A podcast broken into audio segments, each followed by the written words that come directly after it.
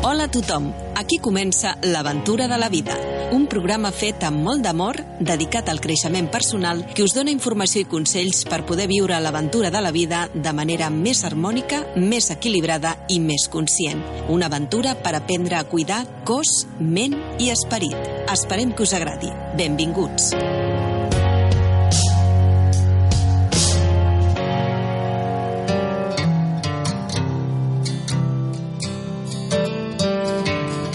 Sabem dividir, sumar, idiomes, història. Però realment sabem com hem de viure la vida?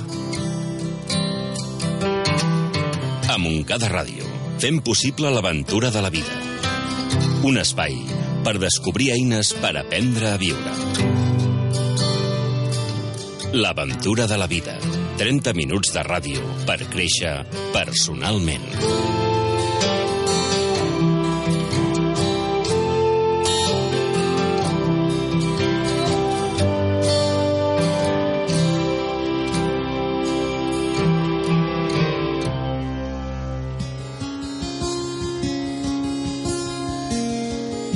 Hola a tothom, comencem una nova aventura. Avui a l'aventura de la vida parlarem de quins conceptes clau hem de tenir en compte per poder menjar bé. Alimentar-se o nutrir-se. Quina importància té mantenir de manera òptima la nostra flora intestinal i els aliments, com els hem de combinar.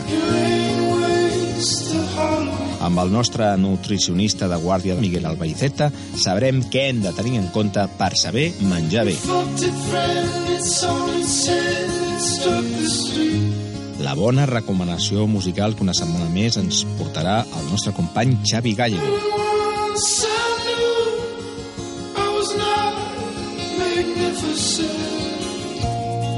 I finalment, Olga Bell ens relaxarà durant un minut. Accepteu el repte?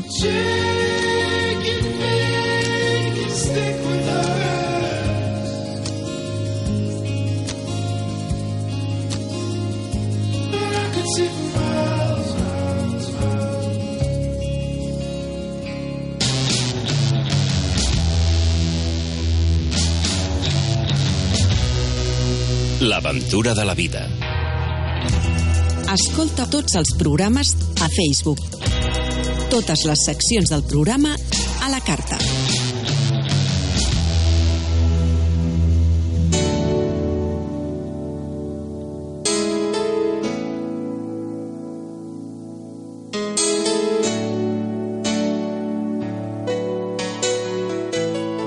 Avui a l'aventura de la vida volem saber què cal tenir en compte per poder menjar bé, per poder menjar millor.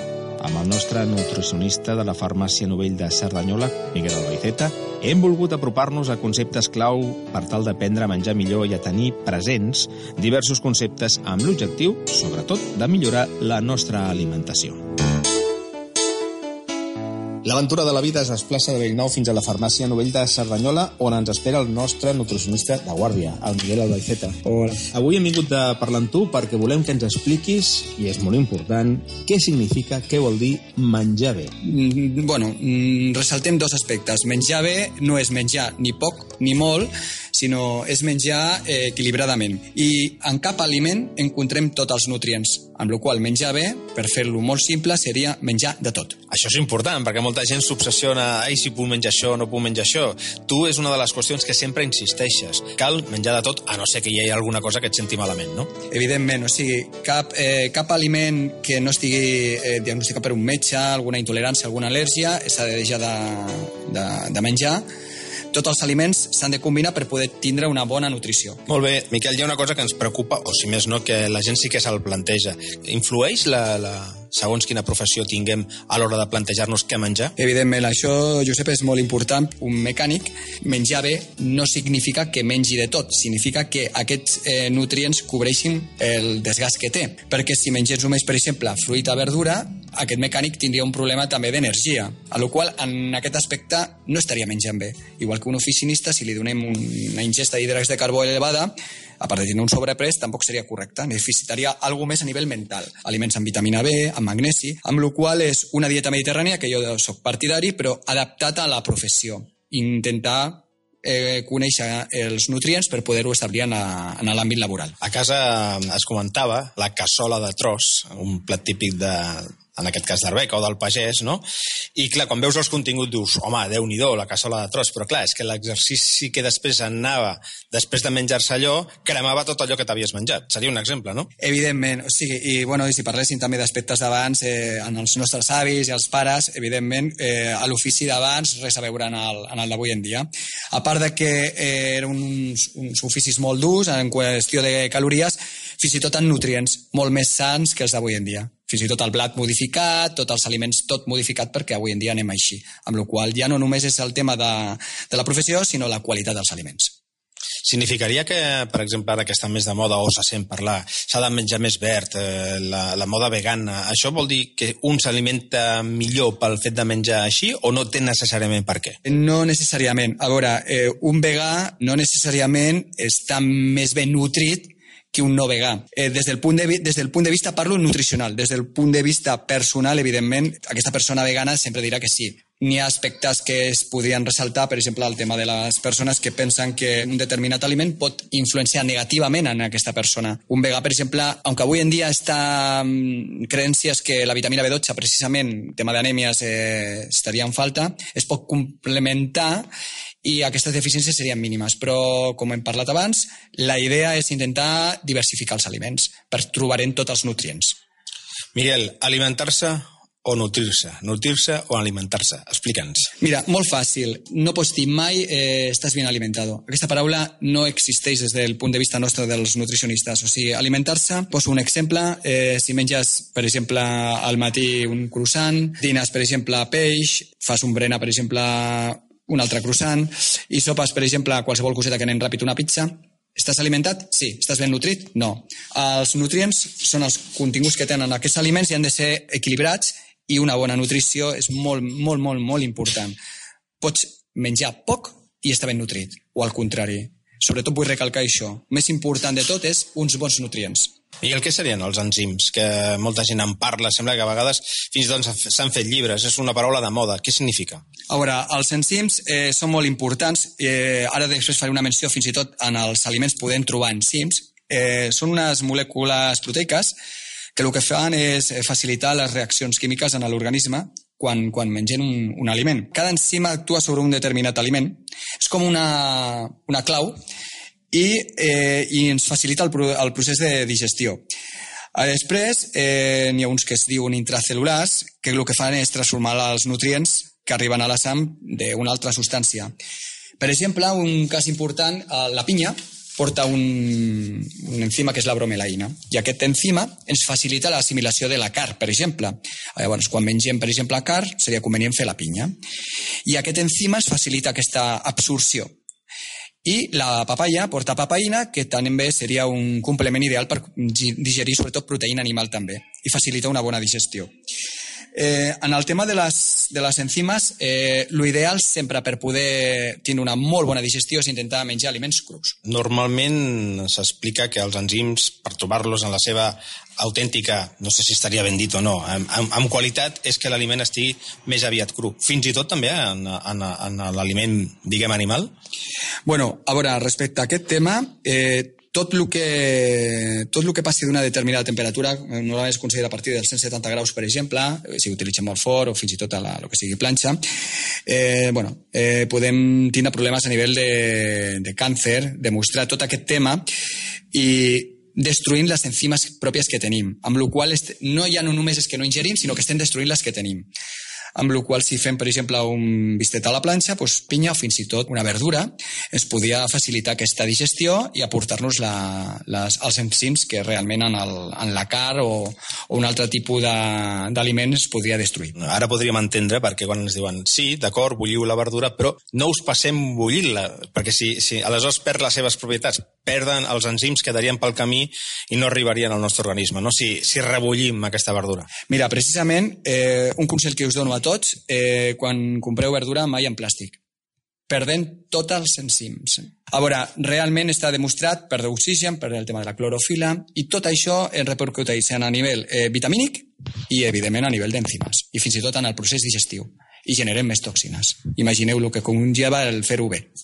Uh, ara igual et dic una cosa que no és gaire, no és gaire, no és gaire correcte dir-la perquè normalment ho traiem, però la pell de la fruita és aquí on hi ha verit els veritables enzims estan a la, a, a, la pell o no, o no és certa aquesta teoria? Aquesta teoria és certa, estan a la pell en una part important, també està dintre del producte, evidentment. El problema són el tema dels pesticides, tot, tot aquest tema que, per exemple, eh, ho podem demostrar en una poma eh, feu la prova. Compreu una poma, la deixeu 3-4 dies i la poma potser que està millor el quart dia que el primer. Això mm, abans en els avis i els pagesos no passava. Eh, sí que seria ideal fer-ho amb, la, amb la pulpa, la fruita seria ideal i, i el tema de cocció també influeix molt en aquest aspecte. Avui en dia és molt complicat menjar bé, això és una de les coses, jo sé que abans no hem parlat, però és veritat, per, per tot aquest tema. Volem facilitar els temes de tot més ràpid i ens, bueno, ens deixem el més bàsic. Hem parlat d'una bona, mm, una bona propietat, els enzims. Ara parlem d'una cosa, entre cometes, dolenta pel nostre organisme, les toxines. Les toxines, eh, depèn com ens alimentem, si no ens alimentem bé, eh, estem perjudicant el nostre organisme, no? Sí, les toxines eh, es generen dia a dia, moment a moment, llavors no estem eh, exempts d'això, no podem estar en una, en una burbuja allò, tancats, allà, i llavors les toxines a nivell d'alimentació i, evidentment, en el tema dels nutrients eh, també és molt, molt important. A veure, a nivell de toxines, eh, respecte a toxines externes, mm, parlaríem de quan ingerim aliments tipus additius, eh, els medicaments també, eh? o sigui, quan, quan estem ingerint una medicació, eh, estem generant generen toxines. Aunque sembla una contradicció, però és veritat. Podem tractar un tema d'una patologia i podem tindre problemes d'això. Amb pesticides, com he parlat abans, en el tema del, dels enzimes també, i en els químics. I a nivell intern de toxines, pues, tots els mateixos productes que després parlarem de la flora intestinal, que és el producte de, de desecho i de putrefacció. En tema, per exemple, proteic que, que no podem assimilar. Parlem de la flora intestinal, ara tu comentaves. És importantíssima tenir-la a punt, no? tenir-la bé. Però clar, això com se sap? A veure, una flora intestinal bona i una bona alimentació seria el més important. Com ho podem fer?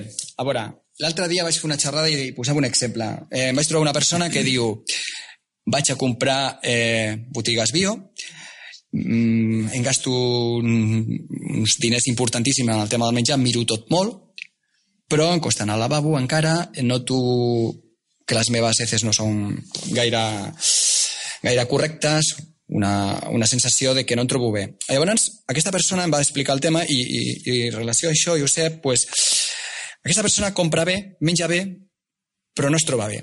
Llavors, aquesta flora intestinal està, està perjudicada. No és precisament pels aliments, pot ser per un tema intern. Llavors jo mm, recomano, evidentment, el que fa aquesta persona és menjar bé, menjar correcte, i fer un plan d'una bona flora intestinal de renovar-ho. Llavors, en els probiòtics. Si una persona menja bé i encara té aquesta patologia, una ingesta de probiòtics seria eh, ideal. Els probiòtics, pel que no ho sap, són els microorganismes que formen part de la microbiota. És el nom que nosaltres eh, denominem el tema de la flora intestinal, que és un món a part, això és un món. Aquí, perquè ho sapigueu, a la microbiota n'hi ha neurones. Uh -huh. Influeixen en el tema de la serotonina, en el tema del pes, en moltíssimes coses.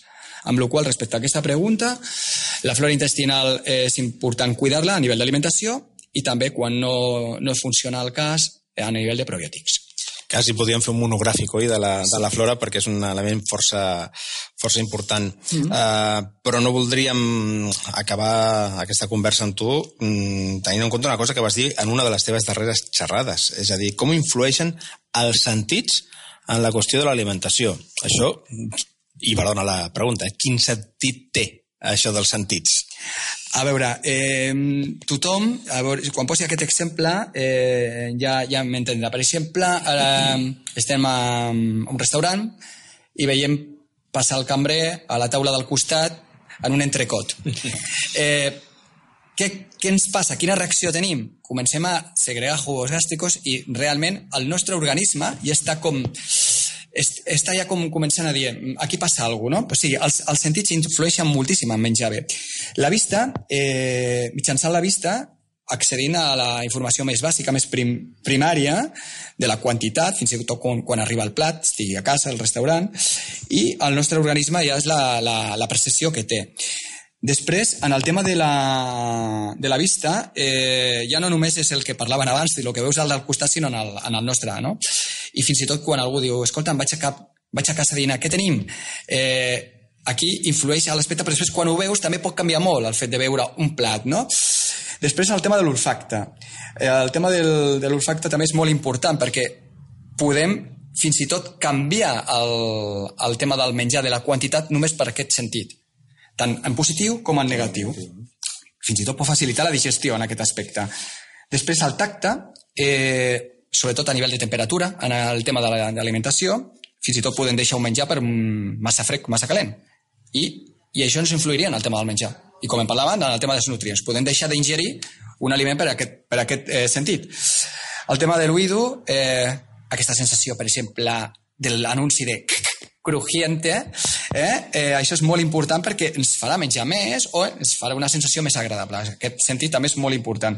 I, evidentment, el tema del, del gusto, de, el, sí, dolç, salat, aquest és el... Aquest és l'estrella, no? Aquest és l'estrella, el qual és molt important el tema dels sentits. Molt bé, i ara sí que per acabar, Miguel, en la, la línia d'intentar apuntar idees per menjar bé, o què significa menjar bé. El tema de combinar bé els aliments. La combinació dels aliments, també importantíssim, no? Sí, evidentment és molt, molt important. Una frase que vull deixar per tota aquesta entrevista que estem fent, Josep, eh, una frase que vaig agafar mm, recopilant una xerrada, eh, si procede de una planta, cómelo, i si lo han fabricado en una planta, desconfia. ¿Vale? Aquesta frase diu molt, d'acord? Eh, és important. I també què us conviene què us apetece. La combinació d'aliments també, abans de parlar d'això, teniu en compte aquestes dues frases. Si procede d'una planta, cómelo. Si l'han fabricat una planta, desconfia. Analitzem aquesta frase i en ningún, en ningún alimento encontramos todos los nutrientes i què us conviene i què us apetece. Això és important, perquè la combinació d'aliments, el primer de tot és escoltar el teu organisme ni teories de Montignac, ni Ducan, ni fins i tot els nostre metge nutricionista ni nosaltres mateixos. El nostre organisme és el que ens ho diu. D'acord? A nivell oficial, la combinació dels aliments ens, ens ajuda a millorar el que és la digestió i assimilar millor els nutrients. Eh, fins i tot per després d'un àpat sentir-nos que, no sigui, que sigui més lleuger, no? que tinguem una millor digestió. Hem de tenir en compte que mengen els grups d'aliments perquè cada aliment té un, un temps de digestió diferent, com em parlava abans el tema d'enzimes, i també eh, intentar veure si és un aliment àcid o alcalí. Això es donaria per una altra xerrada que ja posteriorment ja, ja en parlaríem, d'acord? Llavors, exemples, per exemple, el, el tema de molta gent de no barrejar proteïnes en, en hidrats de carbó, el que serien els, els midons. A veure, mmm, parlo de teoria oficial, jo sempre dic, el primer que he recalcat és escoltem el, el nostre organisme. Jo, és la frase que dic. A veure, oficialment, una proteïna necessita un ambient àcid que està format per el, per el ciclúric i les enzimes que es diuen proteases. Llavors, el midó, que és l'hidrat de carbó que trobem, es digera un ambient alcalí. Llavors, en una enzima que es diu amilasa. Llavors, aquests aliments al mateix temps, el cos necessita un temps molt superior. Llavors, no faciliten aquesta digestió i podem produir un tema de somnolència, mala digestió, fins i tot un sobrepès que moltes, moltes teories, eh, fins i tot en Dukan i bueno, tots aquests eh, pseudometges, també parlen. Jo, com he comentat abans, sobretot, escoltar el teu organisme. Evidentment, si, si barregem això i no ens senta bé, és deixar-ho. Després, respecte al tema dels vegetals, es poden combinar en els, eh, en els midons sense cap problema. Verdures amb anhidres de carbó, en principi no n'hi ha cap problema a nivell de digestió és correcte. I també un aspecte, per exemple, el barrejar proteïnes tant animals com vegetals, eh, seria interessant no fer-ho en el mateix àpat. Es pot fer? Sí, però no en, parlo en qüestió d'assimilació de, de, de nutrients. Si pot ser en àpats diferents, eh, millor. Per exemple, un bròcoli, eh, uns espàrrecs, per exemple, intentar fer el bròcoli, per exemple, en el dinar, els espàrrecs al sopar, en una proteïna en carn blanca, o fins i tot podíem fer-lo en, un, en, en patata. Després, el tema dels greixos en, en proteïnes, en moderació. Aquesta barreja s'ha de fer en moderació.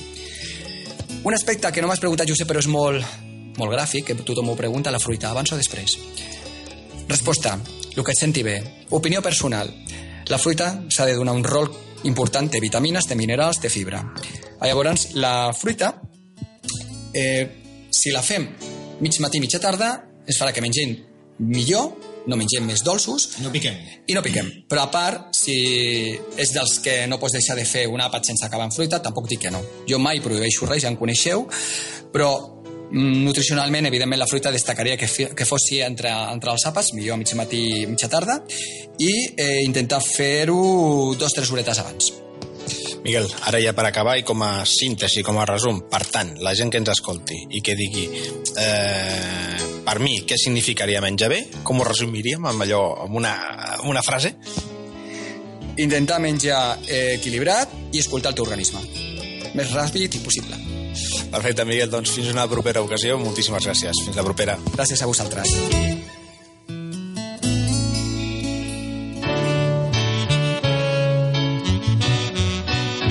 L'aventura de la vida. 30 minuts de ràdio per créixer personalment.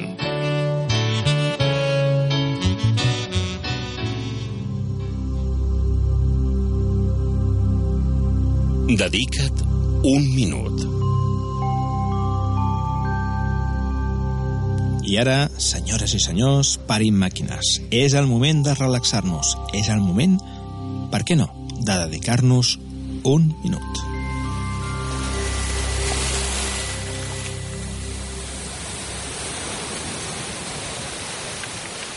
Cierra los ojos, haz tres respiraciones profundas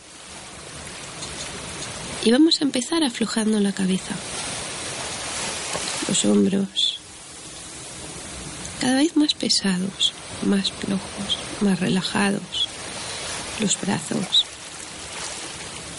Afloja la espalda, las piernas, los pies. Imagina que desciendes tres escalones. Tres, dos, uno. Y te encuentras a la orilla del mar, caminando descalzo, descalza sintiendo la arena cálida y agradable, la brisa suave, el rumor de las olas. Sonríes y llenas tus pulmones de aire limpio, puro, disfrutando del momento presente, de la vista, del agua del mar. Las olas acarician tus pies. Vas caminando a la orilla y decides dibujar un símbolo en la arena. El símbolo que más te guste. Este es tu símbolo de poder personal. Cuando pienses en él, sentirás confianza, libertad, poder. Siempre que lo necesites, podrás cerrar un momento los ojos y recordar ese símbolo que has dibujado en ese momento de paz sigue caminando tranquilamente por la orilla de la playa con la cabeza alta, sonriendo y disfrutando de un momento de paz y renovación absolutos. Sabes que eres un ser único y especial y que siempre que lo necesites puedes recurrir a ese símbolo, el símbolo que te da confianza, libertad, poder.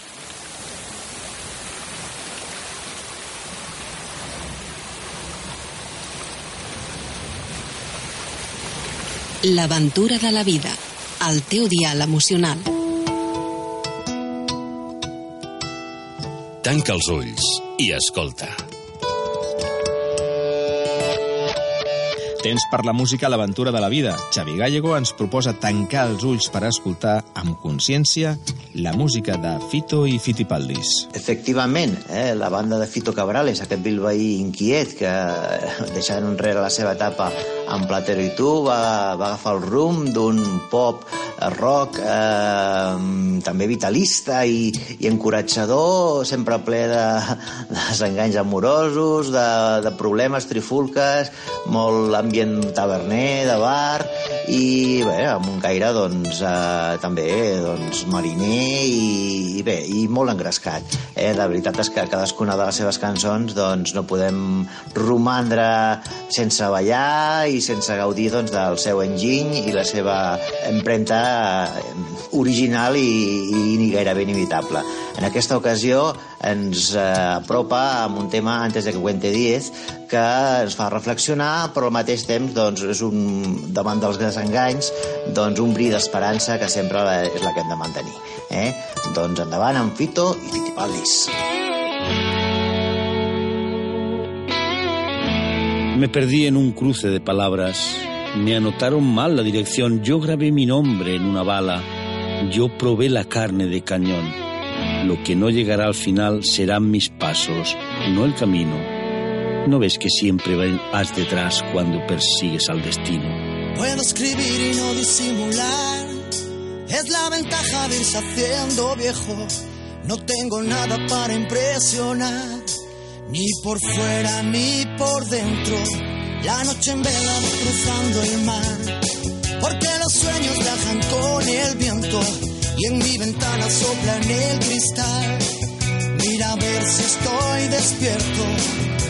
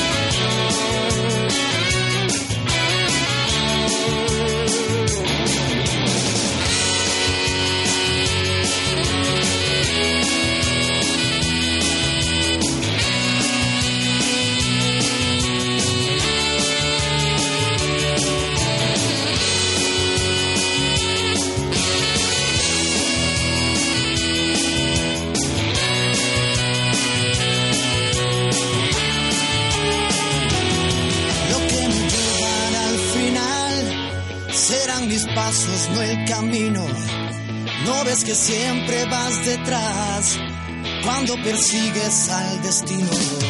Siempre la mano y no el puñal. Nunca es lo que pudo haber sido. No es porque digas la verdad, es porque nunca me has mentido. No voy a sentirme mal si algo no me sale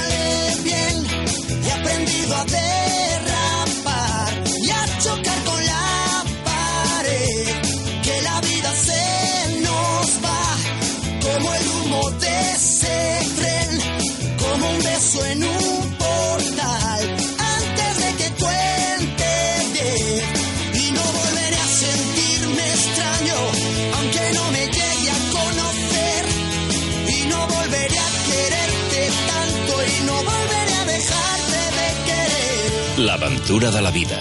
30 minuts de ràdio per créixer personalment. I fins aquí l'aventura de la vida d'avui. Una aventura feta possible gràcies a l'equip del programa. Olga Bell, Xavi Gallego, Ramon Bueno, David Velasco, Pilar Avian, Quique Nicolàs i José Teixidor. Més aventures en un proper capítol. Sigueu molt feliços.